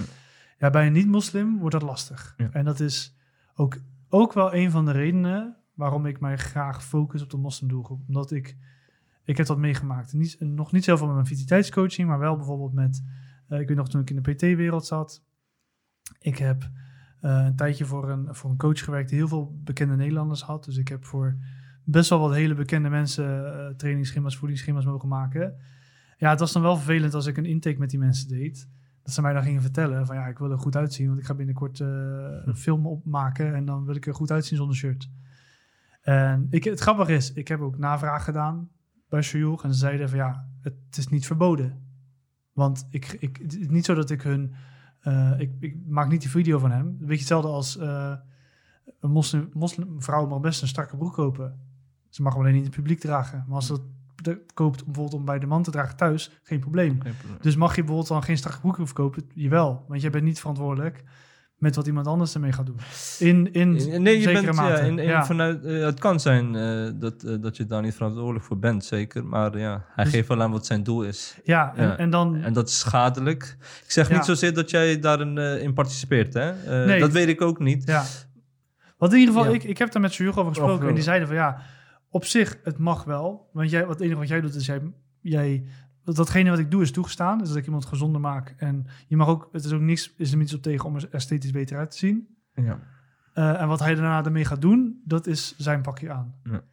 Maar ja, dan heb je altijd nog het verschil tussen iets wat eh, toegestaan is, halal is, en iets wat ihsan is, iets, iets wat iets, weet je, ethisch Ja. eh, verheven. Ja, dat, bij mij zat dat niet goed. Ja. En dat is inderdaad de reden waarom ik mij voornamelijk focus op moslims. Ja. Maar ik heb, ook, ik heb ook niet moslimklanten, maar dan wil ik... Uiteindelijk trek je ook wel aan wat je uitstraalt. Ik ben Ja. iemand die ethiek heel belangrijk vindt. Ja. Ehm, en het goede. En, en, en, en als ik mensen wil... Ik bijvoorbeeld nu focus ik me heel erg op mensen die wat hoger op de sociaal-economische ladder staan.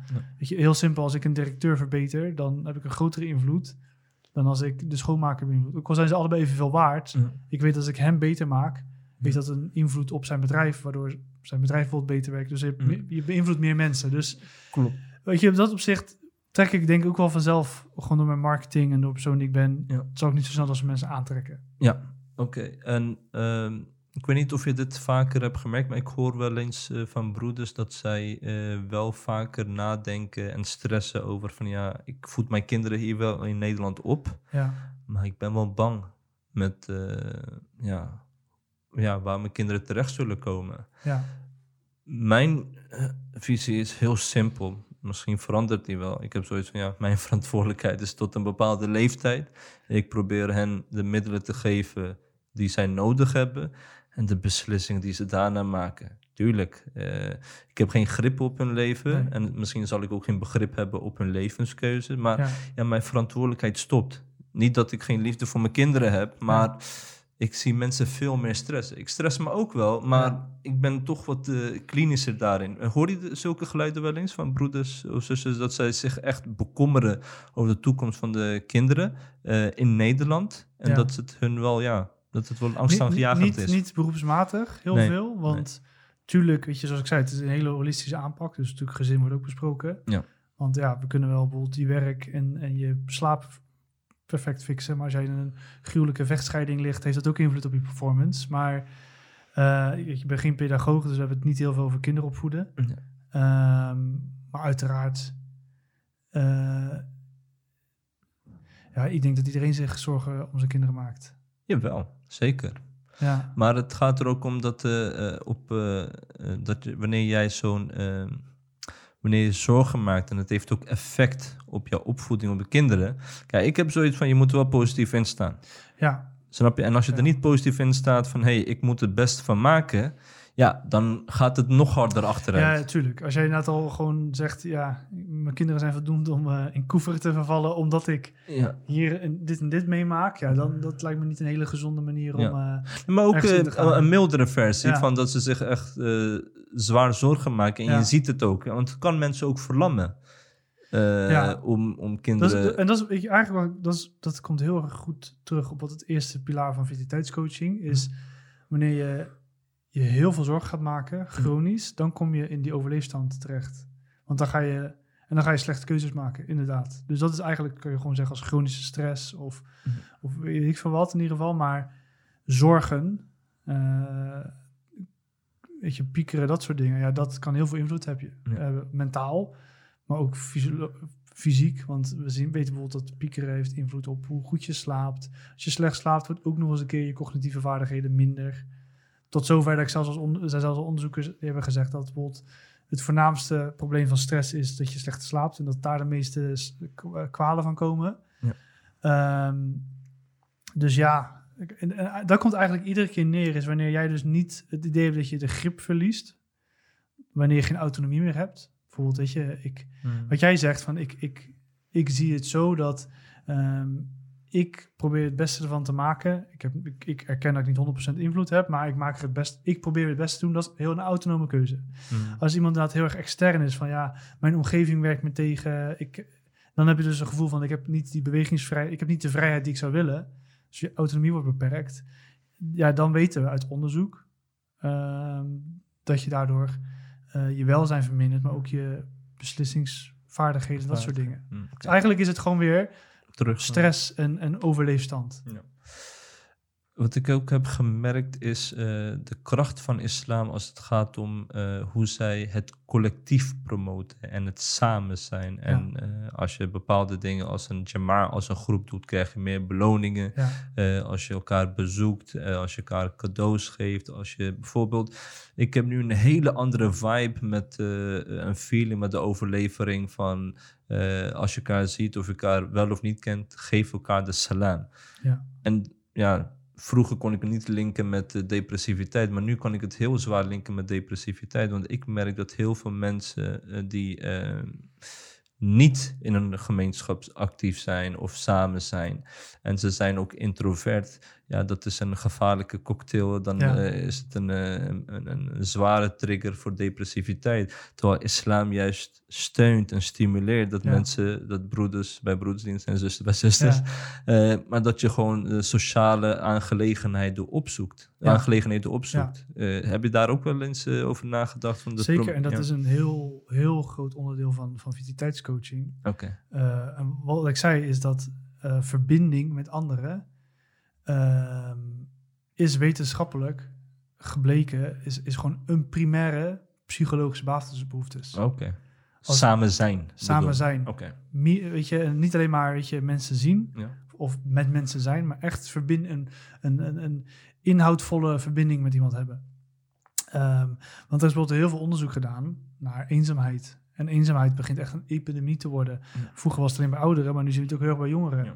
En het grappige is, met jongeren met social media, we zijn, we, we zijn verbondener dan ooit. We kennen meer mensen, we hebben meer interactie. Alleen de verbinding wordt minder. Ja. En je ziet dus heel veel, weet je, eenzaamheid is een gigantisch probleem nu bij jongeren. Wat leidt naar allemaal, weet je, fysieke en, en mentale gezondheidsproblemen. Ja. Depressie onder andere. Ehm, dus in dat opzicht, weet je, je kan het empirisch. En het grappige is, weet je, de, de wetenschap doet het dan vanuit evolutionaire psychologie heel erg van ja, de mens is geëvalueerd, eh, geëvalueerd in een, als groep en daarom als je buiten de groep valt is het een soort alarm. Eh, ik zie dat gewoon als dat, je, dat de hoe Allah ons ge- eh, geschapen heeft en, en Ja. eh, weet dat wij het beste functioneren. Dus eh, het is inderdaad niet raar dat als Allah ons zo geschapen heeft en dat de islam dat heel erg promoot, is het niet raar dat je empirisch, wetenschappelijk terug kan zien dat als je dat niet doet, eh, dat het verkeerd gaat. En je ziet dus dat, is echt, als je naar die onderzoeken kijkt, is het heel erg bijzonder. Epidemiologisch onderzoek is altijd lastig, maar je ziet wel, er zijn studies bijvoorbeeld die gebleken, dat bleek dat, dat eenzaamheid een grotere voorspeller was voor vroegtijdig sla- eh, sterven dan eh, obe- obesitas, roken, suikerziekte, dat soort dingen. Ja. Eh, als bijvoorbeeld ook, er is ook onderzoek gedaan naar de invloed van bepaalde leefstijldingen eh, op je gezondheid. En gingen ze ook heel interessant in het onderzoek, gingen dus kijken wat is de invloed daarvan? Bijvoorbeeld van sporten, van dat soort dingen. Eh, en wat denken mensen dat het de invloed van is? Mhm. En wat was het hoogst? Dat was sociale participatie, eh, goede verbindingen, vriendschappen, dat soort dingen. En eigenlijk veel minder was niet roken, sporten, Mhm. eh, BMI, dat soort dingen. Terwijl mensen denken altijd tegenovergestelde. Ja. Dus we zijn nu, we leven inderdaad nu in een, een maatschappij die alleen maar kijkt naar weet je, dat neoliberalisme van ik ben het belangrijkste, ik wil groeien. ehm, weet je, nu ethiek is, weet je, wat nu wat wordt gezegd is, ehm, zoveel mogelijk het genot van een persoon verhogen zonder anderen te schaden. Ja, Maar het gaat dus alleen maar over ik, ik, ik, ik. klopt. En maar dat zonder anderen te schade, eh, dat, ja, dat is eh, ethisch. en- en- ik zeg niet ja, dat mensen het doen, weet nee, je? Maar dat is wat het, het, het, het, Het toppunt van de liefst trappen ze de ruggen van mensen om er bovenop te Dus, komen. het, dus ja. het grappige is, is dat we gewoon zien, en dat niemand kan het ontkennen, omdat het gewoon ook wetenschappelijk gewoon echt een feit is. Eh, mensen zijn sociale wezens. Eh, en we hebben niet genoeg aan eh, puur. Daarom zien we ook bijvoorbeeld uit onderzoeken dat participatiedingen, dat mensen bijvoorbeeld geforceerd vrijwilligerswerk moeten gaan doen, helpt ook niet tegen eenzaamheid vaak. Soms Mhm. wel, Soms wel. maar- want eh, je hebt ook verschillende mensen, niet iedereen is hetzelfde. Sommige mensen hebben meer behoefte aan of meer intensieve verbinding met anderen dan, dan anderen. Ja. Sommige mensen hebben er gewoon minder behoefte aan, dat kan. Eh, maar de mens van nature eh, in zijn fitra heeft behoefte aan betekenisvolle verbindenis met andere mensen. En als we dat niet krijgen, dan worden we gewoon, dan functioneren we minder goed. Eh, en in het ergste geval worden we daar mentaal of fysiek of spiritueel ziek van. Dus in feite zeg je dat eh, de wetenschappelijke onderzoeken en rapporten en de cijfers die jij ziet, duwen mensen richting islam. Als je het goed leest. Richting de fitra. Fitra, ja. Ja. Dus ja. Ja. ja. ja, Oké. Want Ehm, op zich zou je kunnen zeggen, heel veel andere religies hebben ook eh verbintenis. Klopt. Alleen islam geeft ook antwoord op hoe wij hier dienen te functioneren tot in details. Klopt, Dus klopt. dat is de... Ja, ja, ja. de- Tuurlijk, daar ben ik, daar ben ik een beetje je eens. Kijk, ik ben moslim, anders was ik al eh, Ja. ik een andere religie aangehouden. Dus ik ben helemaal Ja, overtuigd. ja, ja. Maar ja, ehm, Islam geeft de antwoorden op de problemen die er zijn. ja. Ehm, een ander probleem wat mij ook heel, ja, heel dichtbij ligt in de zin van, ik denk dat dat heel erg wordt onderschat, is het feit dat er eh, veel scheidingen plaatsvinden. Nou is het een eh, toegestaan iets, ehm, ook al vindt Allah subhanahu ta'ala dat het verschrikkelijk is. Eh, Oké, dat is tot daaraan toe, eh, met alle respect natuurlijk. ja. Eh, maar ja, er zijn kinderen die zonder een vader of een moeder opgroeien. Ja.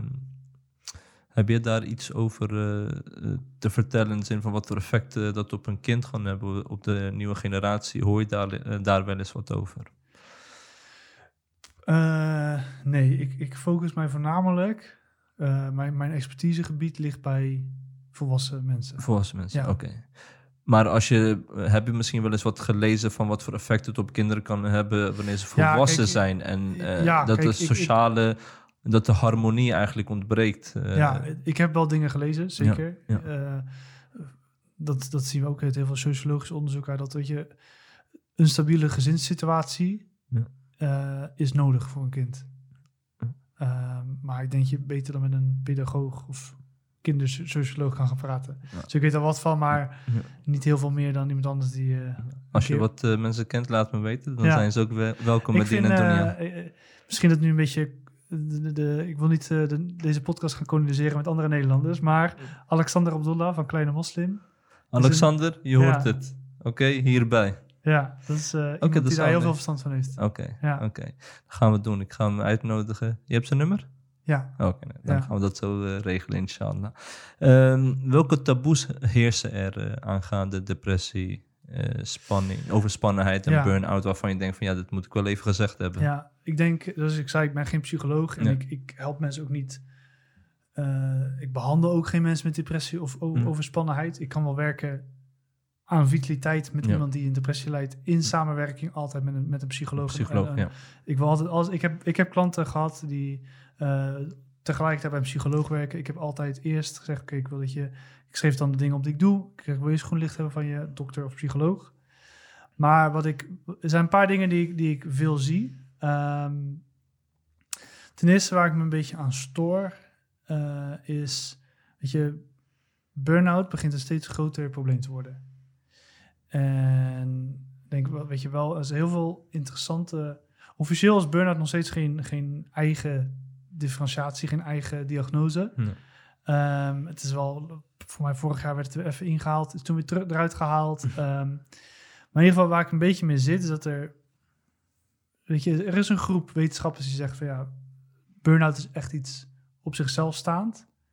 Maar er is ook best wel een heel goed onderbouwde bewijs dat eigenlijk depressie of eh burn-out gewoon eigenlijk een verkapte vorm is of een, gewoon een subgroep is van depressie. Ehm, want en dat wat ik, ik, ehm, ik heb dat gelezen, maar ik heb het ook gezien bij klanten die bijvoorbeeld bij mij kwamen na of tijdens eh, een, een burn-out traject.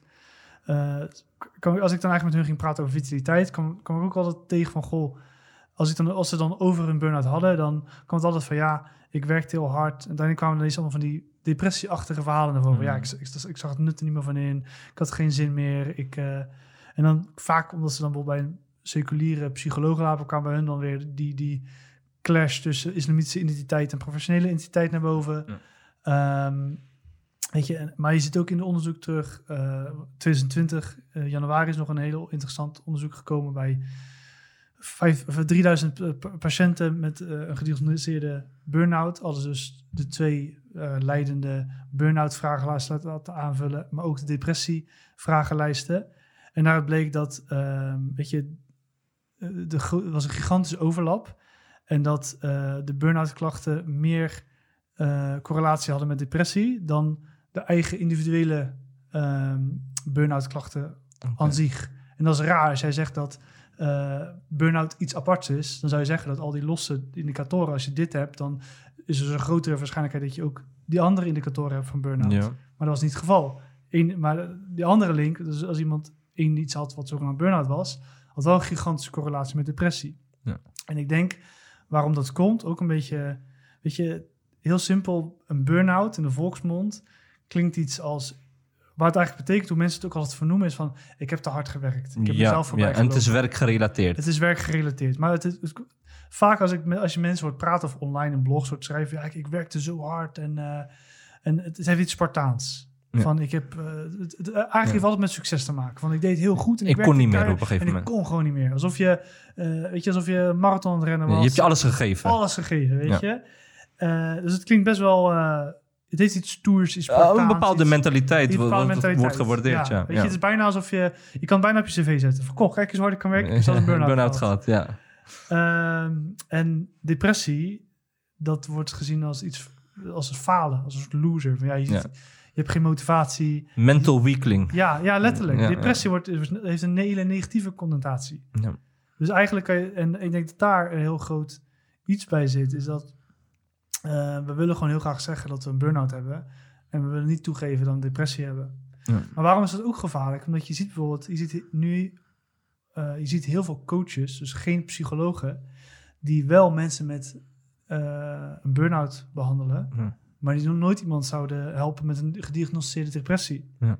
Maar als we gewoon uit de literatuur zien dat een hoge waarschijnlijkheid dat iemand met een burn-out of dat het gewoon depressie is, of dat iemand onderliggend ook nog een depressie heeft. Waarom helpen ze dan wel iemand met een burn-out en niet iemand met een, uh, met een depressie? Dus dat, ja. denk, ik- dat is pilaar 1 van krijgen de mensen die dus misschien gewoon depressie hebben wel de juiste zorg? Ja. Moeten ze niet gewoon naar een psycholoog in plaats van naar eh, iemand met een cursusje ps- coaching? Mhm. Eh, en ten tweede ook gewoon, ja, als jij de verkeerde diagnose krijgt, krijg je dan überhaupt wel de goede behandeling. Ja. Want je hebt ook nog best wel psychologen die, die achter het idee staan dat, dit, dat bijvoorbeeld een burn-out iets anders is dan depressie. Dus, ja. Eh, dus dat is wel iets wat ik denk, wat ik wel zorgwekkend vind. Want ik, ik ook in mijn klantenkring krijg ik steeds meer mensen naar me toe die dan uit, uit, de, uit de revalidatietraject komen van een burn-out en dan verder willen werken. En eigenlijk altijd waarmee ze komen is dat ze dan wat anders willen gaan doen. Ja. En dat lijkt me ook God, heeft, dat, heeft dat dan niet gewoon, was het niet gewoon depressie? Vond je wel niet gewoon je werk niet leuk? En heb je, omdat je misschien een verkeerd beeld had van hoe de wereld eruit ziet, maar gewoon door zitten pushen. Ja. En een groot verschil is ook met bijvoorbeeld burn-out en overspannenheid. Is, weet je, als je overspannen bent, dat, dat is eigenlijk echt het, dat is ook weer het verschil. Want depressie is dus eigenlijk, hoe ik het, als ik het heel simpel maak, ik vind mijn werk bijvoorbeeld niet leuk. Ja. En dat is niet zozeer, ik heb te hard gewerkt. Gewoon, je was niet happy, en, maar je bent door gaan blijven werken. En daarom kreeg je een burn-out, slash depressie gerelateerd aan je werk. Dus het heeft niet zozeer te maken met te hard werken. Overspannenheid is te hard werken. En wa- Mm. hoe kunnen we diagnostisch het verschil zien? Als iemand overspannen is, weten we dat als iemand stopt met werken, we halen hem uit die situatie, dan worden de klachten verminderd. Mm, ja. Eh, dus we kunnen met iemand die, iemand die een pre- depressie heeft, is niet binnen twee maanden genezen. Hm. Iemand met overspannenheid wel. Mm. Maar je ziet dus ook wel eens mensen die dan diagnose, ik weet niet hoe ze eraan komen, dan komen ze bij mij met diagnose burn-out. En hebben ze twee, ma- twee maanden thuis gezeten en zijn alle klachten weg. Dat is ook raar. Dus dan- ja. weet je, dus ik denk dat dat iets is waar we veel meer onderzoek naar gedaan moet worden. Eh, Mensen maken te makkelijk een correlatie. eh, Nou ja, het mensen, het, is komt ook vanuit de, psychologie, vanuit Hm. onderzoek. Maar ik denk dat we gewoon allemaal heel graag roepen. Ik hoor heel vaak mensen van ja, ik heb een burn-out gehad. Of het- die wel thuis zitten, ook in de ziektewet zelf, zeggen ja, ik heb een burn-out gehad. Zeg, is het gediagnosticeerd? Ja, ja. Dus een huisarts of een psycholoog heeft gezegd dat jij een burn-out had. Nee, nee, nee. Hm. Maar ik denk gewoon dat het dat was, weet je. mm. Dus ik denk dat dat heel erg belangrijk En dat is een goede realisatie. Omdat, weet je, depressie... Imam Ghazali heeft daar een heel mooi kritiek op. Bijvoorbeeld, toen al de arts in zijn tijd... dat, dat bijvoorbeeld iemand een depressie had... en die kwam naar de dokter... en die dokter ging eh, medicijnen geven... Om, om van de depressie af te komen. En de kritiek van Al-Ghazali is... hij zegt van... die primaire oorzaak van een ziekte is altijd Allah. Secundair kan het ergens, ergens anders vandaan komen. Mhm. Eh, dus bijvoorbeeld, je kan, eh, als jij nooit slaapt, dan word je ook ziek. Maar primair is het van Allah. Dus hij zei, Mm. je moet ook kijken dat het kan. Een, een, wat een hele mooie uitleg vond ik. Hij zei, wat ook eh, wat Al-Ghazali zei, is van depressie eh, kan een manier zijn van Allah om hem naar jou toe te trekken. Want waarom? Depressie is eigenlijk ook dat de zin in de dunya, de waarde van de dunya valt weg. Wauw. En toen ik dat voor het eerst hoorde, denk ik, wow, dat is Diep. echt heel diep. Ja. Want dat is ook inderdaad wat er gebeurt. Want iemand, wat burn-out, is iemand die of gewoon depressief wordt op zijn werk. Hij, in, in zijn hoofd dacht hij op dat moment dat die weg naar carrière bijvoorbeeld, dat was het. Was het? Ja. De, de American Dream. En hij bleef, maar hij wil daar maar niet uitkomen. Hij wil maar niet realiseren dat het niet is. En misschien geeft Allah hem dan wel die depressie. Dat die hele, dat dan maar Ja. extern die drang naar het wereldlijke wegvalt. Wegvalt. En, En ook, ruimte geeft voor spirituele groei. ja, en ook eh, denk ik, ehm, heel veel mensen eh, die nu leven, hetgeen wat ze allemaal gewend zijn, is dat ze controle hebben over hun leven. Ja, En een depressie of een burn-out of overspannen, eh, laten we gewoon zeggen depressie, zorgt ervoor dat jij op een gegeven moment geen grip meer hebt over jouw leven, ja. over je denken en doen. En als je het goed probeert in te vullen, dan zou je dan juist moeten realiseren en dichter bij de schepper kunnen komen- kunnen komen van hij is de regisseur. ja. He's the boss, he decides. En zo zie je maar hoe zwak en wankel je bent. ja. Je hebt een bepaald doel voor ogen, het is niet gelukt, voor welke reden dan ook. Dat betekent dat de schepper regeert en hij heeft de controle over jouw leven. Want heel vaak zijn we gewoon heel simpel. Hè? Van oké, Ja. is goed, ik ben nu bezig met dit. En over vier jaar ga ik eh, afstuderen. En dan ga ik daar en daar. De laatste twee jaar ga ik stage volgen bij die bedrijf. Ja. En dan ga ik daarna inshallah gewoon daar een contract krijgen. En dan ga ik trouwen. En eh, gewoon, iedereen praat bijna zo. Want je hebt het uitgestippeld. En dat is niet arrogant bedoeld, maar je hebt een doel voor ogen. Ja, en dat is goed. En dat is goed. Maar je mist dan toch ergens de connotatie Ja. bi'idhnillah, Ja. als Allah het wil. Dit is wat probleem. Maar ik weet niet, misschien heeft Allah Ja. wat anders voor mij voorgeschreven. We zijn heel stellig in bepaalde dingen. Bijvoorbeeld, ik ben ook heel stellig geweest in heel veel aspecten van dit. Nou, ik zie mezelf dit en dat niet doen. ja, Maar situaties zorgen ervoor dat je geneigd bent om jouw principes overboord te gooien. Binnen de kaders van de dien. Dat je toch ergens zit waar, waar je tien jaar geleden never nooit aan zou denken ja, eh, jouw visie op vrienden. Bijvoorbeeld, ik ga geen zaken doen met vrienden. Opeens doe je zaken met vrienden. Of nee, met moslims is het beter gewoon een goede band te onderhouden. Maar als het om geld gaat, nee. En nu zit je ook met moslims eh, Ja. te handelen. Dus ja, en ik denk dat wij eh, onze stelligheid weg moeten halen. En vaker moeten gaan nadenken van... hé, hey, Allah subhanahu wa ta'ala is degene die bepaalt. Ja. Ik heb een plan, zolang het gewoon binnen de kaders van de dien is. Alhamdulillah. Maar je weet nooit wat in de toekomst kan gebeuren. klopt. Ehm, andere taboes. Eh, wat, oh ja, ik had een taboe waarvan ik dacht van is het een taboe of niet? Eh, psychologen zeggen ook dat depressie, eh, depressiviteit dat dat erfelijk is. En als ik hoor van dat het erfelijk is, dan maak ik meteen de, met, meteen de link van dat betekent als het erfelijk is, dan kun je er ook niks aan doen. Denk jij bijvoorbeeld dat mensen die depressief zijn, dat ze daar helemaal niks aan kunnen of konden doen voordat ze depressief werden? Eh, ja, kijk, nu gaan we heel diep in op de materie. We got all the time, is- toch? Ja, en, en daar ben ik, ik ben, zoals ik Nee, zei, ik ben nee, geen psycholoog. Ik, ehm, ik heb zover kennis over het klinische dat Ja. ik rode vlaggen kan krijgen wanneer ik met klanten bezig ben. Zodat ik ze door kan sturen naar iemand die daar goed in is. Ja. Ehm, dus kijk, we, we zien wel inderdaad terug uit onderzoek dat, dat we die linken zien. En ik geloof ook niet dat dat bijvoorbeeld islamitisch gezien of niet zou kunnen bijvoorbeeld. Want heel simpel, iemand kan ook langer zijn. En dat komt ook genetisch. Dus Ja. Iemand kan ook. En we hebben verschil in temperament. Dat zagen we bij de Sahaba al, weet je. En er is altijd een, een stukje nurture en nature. Ja. Ehm, dus ik, ik, weet je, als we dat, weet je, wetenschap heeft ook een, weet je, gewoon kijken naar de schepping, empirisch onderzoek, heeft ook ruimte in de islam. Dus ik denk als we dat Ja. zien, dan zou dat vast wel zo kunnen zijn. Ehm, ik geloof. En, en weet je, dan, kijk, dan ga je, dat vind ik, ik vind het een lastig onderwerp, want dan ga je ook wel heel erg diep in naar Akida, want Ja. je kan ook zeggen, hebben we überhaupt invloed op onze gezondheid of ziekte? Allah kan ook gewoon zeggen. Dus het is een beetje een moeilijke, het is een moeilijke discussie. Ja. Kijk, als ik, wat ik dan weet, in ieder geval empirisch, zijn er wel eh, beschermingsfactoren eh, tegen depressie. Bijvoorbeeld die psychologische basisbehoeftes, eh, ook gewoon fysieke en sociale, economische basisbehoeftes. En we zien ook dat mensen in lage sociale economische klasses vaker depressief zijn. Dus, maar er zijn zeker zaken die je zelf kan doen. Of iemand, ik, ik, ik geloof best wel dat er mensen zijn die het hadden kunnen voorkomen. Maar ik denk ook dat er zeker mensen gewoon beproefd worden, dat die in omstandigheden komen waarin je, eh wat bijvoorbeeld Vatbaarder vatbaar ben. zijn. Ja. Maar dan nog is er nog steeds een element van eh, eh, dat je wel jezelf ja, kunt helpen. Of in ieder geval de situatie voor zijn. Dus misschien waar ik bijvoorbeeld vaak aan denk over depressiviteit, is het van. Is het dat een persoon bij voorbaat er vatbaar voor is? Of is het ook erfelijk? Stel je voor als we zeggen, het, men is daar vatbaar voor. Ja. Ja. dat kan ik wel begrijpen. Ja. Want als persoon zijnde kun je ook vatbaar zijn voor het hebben van eh, dat je ja, heel veel vrouwen wilt hebben. Dus Ja, dat is ook een ziektes, neiging. Of, misschien Ja. vaak neiging hebt naar alcohol of Ja. drugs of whatever. Dus dat kan ik me goed voorstellen. Nou, bij alcohol, vrouwen en gokken kunnen wij heel makkelijk zeggen... ja, oké, maar daarmee word je beproefd. Dus je moet die beproeving weerstaan. Ja.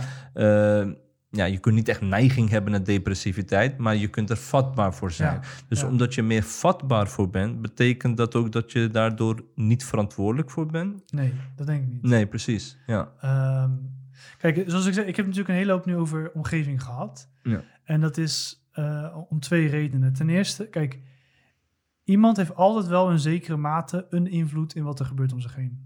Ja. Ja, dat is een, dat is een feit. Ik geloof wel dat er situaties zijn dat ehm, de invloed van een persoon dermate klein is dat het onrechtvaardig is om hem de schuld ervan te geven. Nice man. Eh, extreem voorbeeld, als ik iemand in een isoleercel gooi, in een, vervel- in een afschuwelijke situatie, dat die persoon dan depressief wordt, gaan, moeten we hem dan gaan blamen dat hij mentaal zwak is, of moeten we gewoon erkennen dat hij in een hele vervelende situatie zit? Dus dat is punt, punt Mm. 1. Punt 2 is ook dat het belangrijk is om te erkennen. Want kijk, ik wil niet dat mensen zelf medelijden krijgen. Ik wil dat ze zelf empathie krijgen. Man. Wat is het verschil? Zelf medelijden is dat mensen het idee hebben dat alleen zij deze problemen hebben. En dat zie ik bij heel veel mensen. Ik En dat ze er niks aan kunnen doen. Ook toch? Is dat ook zelf medelijden? Van, Onder andere. Ik ben nu eenmaal zo. Nee, nee, nee, nee, Nee, nee. Dat is niet zelf medelijden. Zelf medelijden is het verschil dat je eh, het idee helpt dat alleen jij er last van hebt. Helder. Empathie is, is dat je erkent dat iedereen problemen heeft. Dat er soms dingen zijn waar jij geen invloed op hebt. En dat iedereen af en toe hulp nodig heeft. Ehm, wat is het verschil? Ik heb dus zo, ik heb dat heel vaak bij coaching. Is dat ik, en dat, dat is, was, ook, was er een hele leuke in, eh, erv- eh, ontdekking toen ik het voor het eerst bijvoorbeeld mensen ging coachen die succesvoller dan mij waren. Oké. Ik heb weet je, mensen mogen coachen, alhamdulillah, die dingen bereikt hebben. Dat als ik ooit de helft daarvan heb, dan ben ik al heel blij, weet je. Eh, financieel heb je het meer over? Financieel, alles. alles. Ook, ook spiritueel. Weet je? Ik heb ook mashallah, alhamdulillah, wat mensen mogen helpen die spiritueel veel verder waren dan mij. Ja. Ehm, ehm, maar wat ik wel grappig is, dat eigenlijk iedereen heeft wel dezelfde problemen. Hmm. Dat zie je ook in de Koran, dat ze zeggen, bijvoorbeeld, wij gaan je allemaal beproeven met verlies van eh, wilde, eh, gezin en, en, en leven en ziekte, weet je. Dus met Mhm. andere woorden, iedereen gaat dezelfde problemen krijgen. Het is.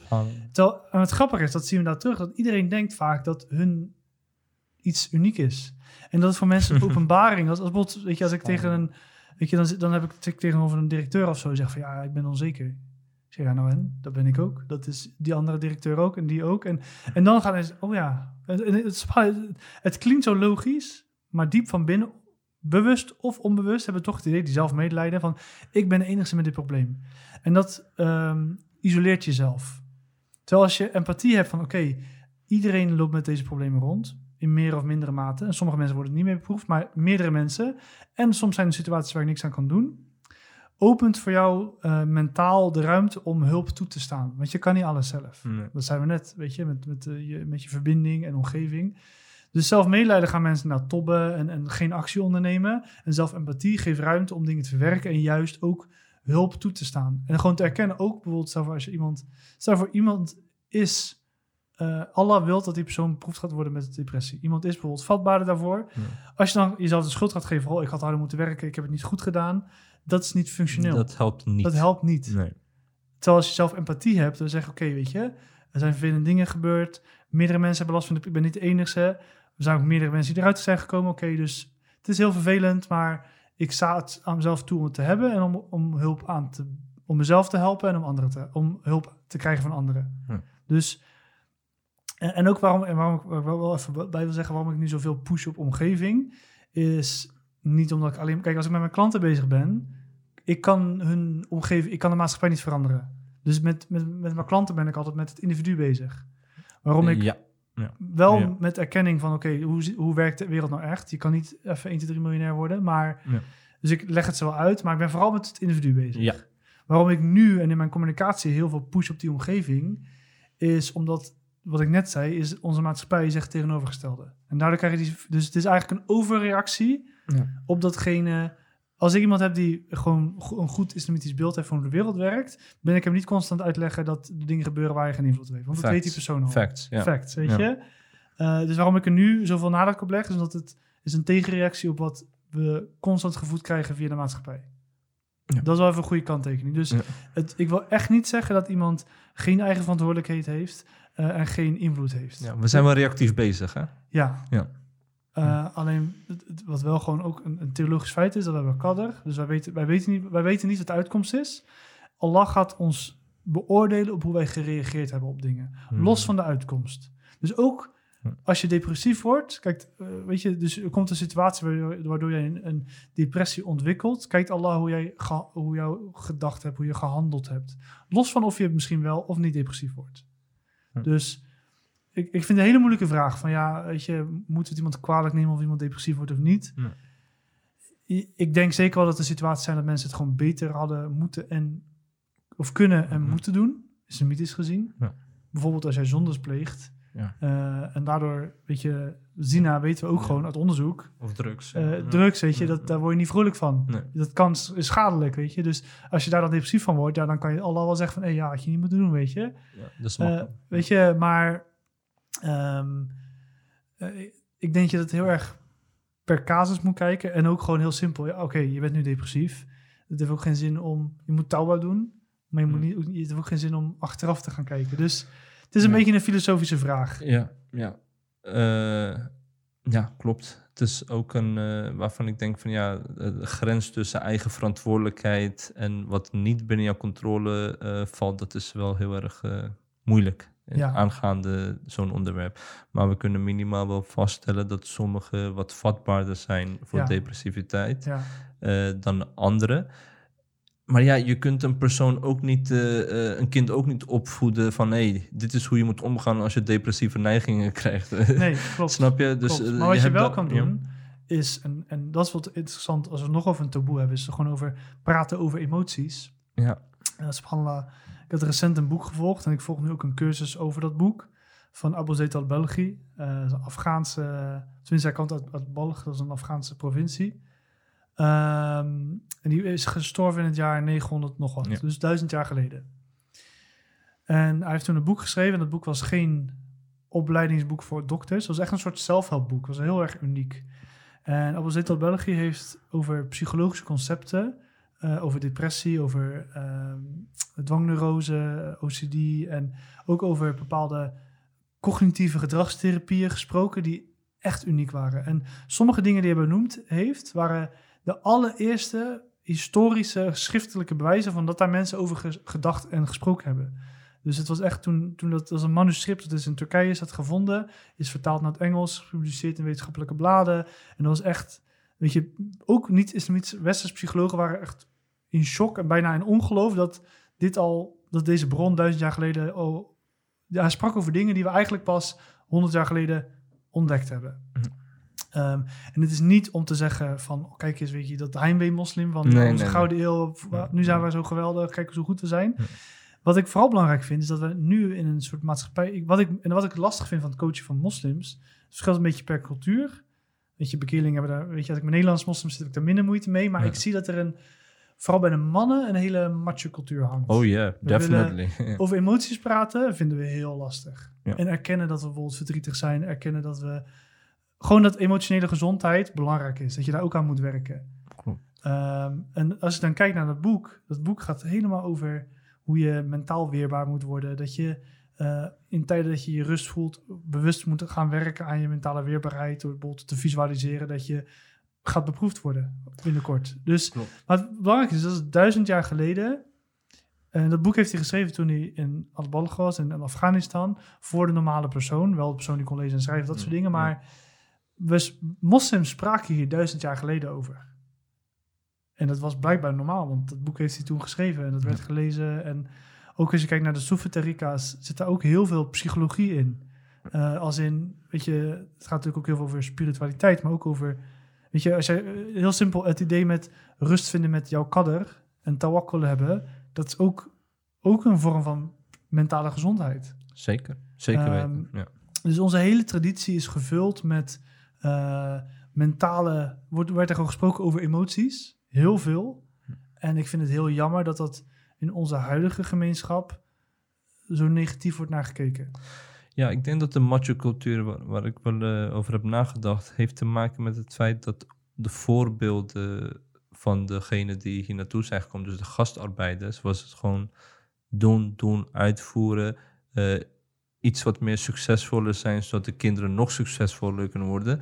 En die gastarbeiders hebben geen tijd om over depressiviteit na te denken van, oh goh, wat heb ik Ja. het moeilijk, dit en dat. Het is knallen, het is realiseren. En daarna willen we gewoon pensioenen, willen terug naar Marokko of Turkije of Pakistan. En nu moet de volgende generatie eh, het opbrengen. Dus ze hadden geen tijd om zelfreflectie te doen, om na te denken van, hey, voel ik me wel goed of voel ik me niet goed? They Dat- were on a mission. Dat klopt, dat is tot overleven. Dus man zijn. Ja. Ik bedoel, ik zei een keer van ja tegen mijn oom van ja, ik heb een parttime baantje ergens gevonden. Zei hij tegen mij, parttime baantje? Wat is dat voor iets? Ja. Ik zeg, wij gingen drie dagen achter elkaar ja. werken zonder te slapen. Ja. Dus ja, dat neem je allemaal gewoon mee. Denk van ja, kom op man, eh, complimenteer mij een beetje. Nee, nee, dat, zo werkt het hier niet. Nee. Dus dat neemt de volgende generatie neemt dat gewoon een beetje over. Maar ja, dan heb je wel, eh, word je wel opgeleid eh, hier in Nederland. Dan ga je dan nadenken, zelfreflectie. Oké, dit is individualisme. Oké, dit zijn de gevoelens die kunnen ontstaan. Ja. Dan ga je er meer over nadenken. Van hé, hey, wacht eens even. Ik voel dit. Hoe moet ik hiermee omgaan? En dan denk ik van, oh, eigenlijk ben ik niet zo sterk hier. Oh, ik voel mij minder. Oké, Ja. maar kan ik tegen anderen zeggen dat ik mij minder voel? Eh, ja, maar is dat niet een beetje vrouwelijk? Van, hé, ik voel Ja. me eens, nu dit en dat. Dan ga je het gewoon niet doen, ga je gewoon verder. Nu zijn mensen meer out in the open. En nu schrikken mensen van elkaar. En het grappigste is, als een broeder tegen een andere broeder zegt... Hey, luister man, ik zit bij een psycholoog Ja. man. Hij zegt, hey, broer, van jou had ik nooit verwacht. Je bent zo extrovert. Je, je weet, je, je- weet je, ik zie je daar en dat je bent gewoon actief. Hij zegt, Ja. ja. man, dit en dat is gebeurd. En de volgende dag, uh, Achie, ik ben ook een tijdje depressief geweest. Zeg, jij, Ja. jij. Subhanallah. Dus je ziet gewoon hoe common het is, maar mensen praten niet over. En sommige broeders merken pas van dat de andere depressief is geweest vanwege de adviezen die er worden gegeven. Ja, ja. Je moet veel praten. Ja. Je moet dit en dat doen. Kom, ik neem je aan mee. Dan denkt die andere broeder ook van, ja, hoe kom je aan deze tips? Want dat zijn precies de tips die mijn psycholoog ook geeft, snap je? Dus heel veel dingen worden gewoon binnen huis eh, gehouden. Alsof het een, eh, hoe zal ik het zeggen? alsof het gewoon een grote schande is.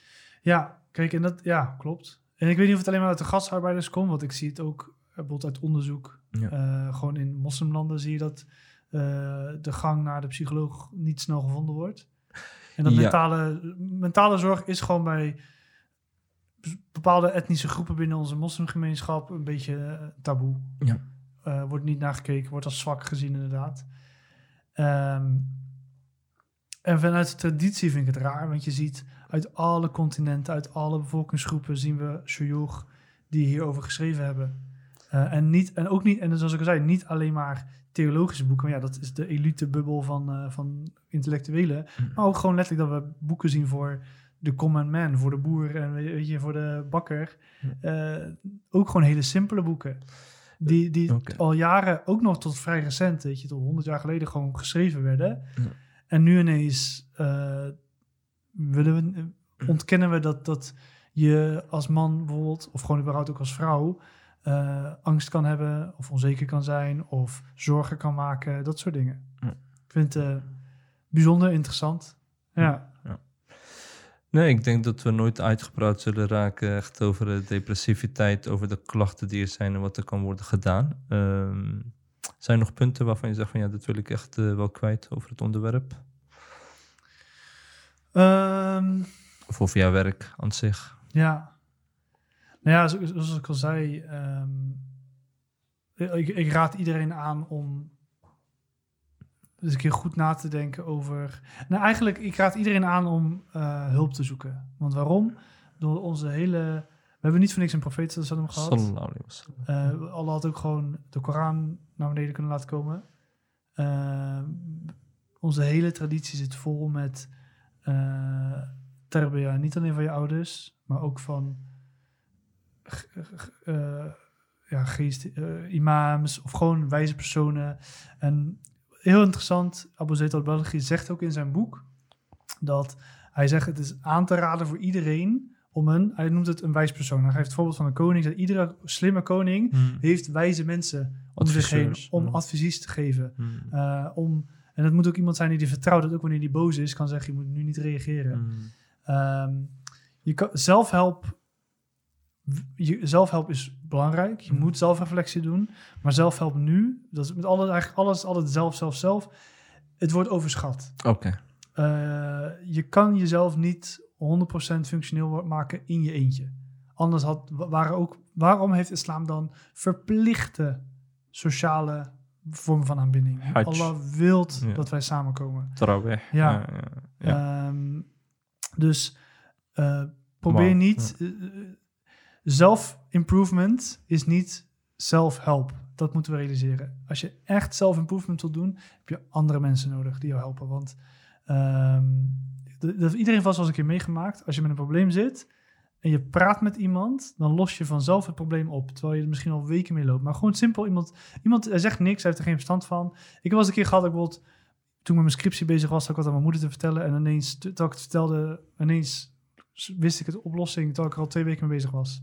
Laat staan als je met iemand praat die er wel verstand van heeft. En dan iemand bijvoorbeeld een coach of een psycholoog. Het ligt eraan wat voor problemen je hebt natuurlijk. eh, die getraind zijn in het stellen van goede vragen. Die weten hoe je gesprekken kan voeren. Die verstand hebben van gedragsverandering. Ehm, weet je, vroeger was het de, de, de sheikh die jou opvoeding gaf. Nou, helaas is die structuur weggevallen. Ehm, dus weet je, zoek, zoek eh, die wijze persoon op. Zoek die opvoeder op. En dat kan een psycholoog zijn voor pathologische mentale problemen. Dat kan een goede coach zijn die goed opgeleid is. Eh, eh, ook echt vraag iemand naar zijn diploma. Vraag iemand of hij aangesloten is bij iets. Niet, want iedereen kan coach worden tegenwoordig. Eh, en bij spirituele zaken ga ik ook voornamelijk. Zoek altijd iemand op die daar verstand van heeft. Helder. Mooi. Ik wil jou sowieso bedanken voor de Ja. tijd die je hebt ge- gemaakt. Hoe vond je het gaan eigenlijk? Warm. Warm, ja, klopt. Ja. We're sweating Voor de mensen over. die nu kijken later, we zijn nu in de, zeldzame Sahara-weken van, eh, van Nederland. Klopt, klopt. Dus eh, maar ik vond het een heel leuk gesprek. ja, alhamdulillah. Inshallah, misschien tot de volgende keer eh, weer een keer. Ja, Ehm, ik bedank iedereen. Je kunt ons volgen op verschillende kanalen. Dus check de inleiding die ik zal plaatsen op de YouTube-video. En eh inshallah, misschien tot de volgende keer. Assalamu alaikum wa rahmatullahi wa barakatuh. wa alaikum assalam wa rahmatullah.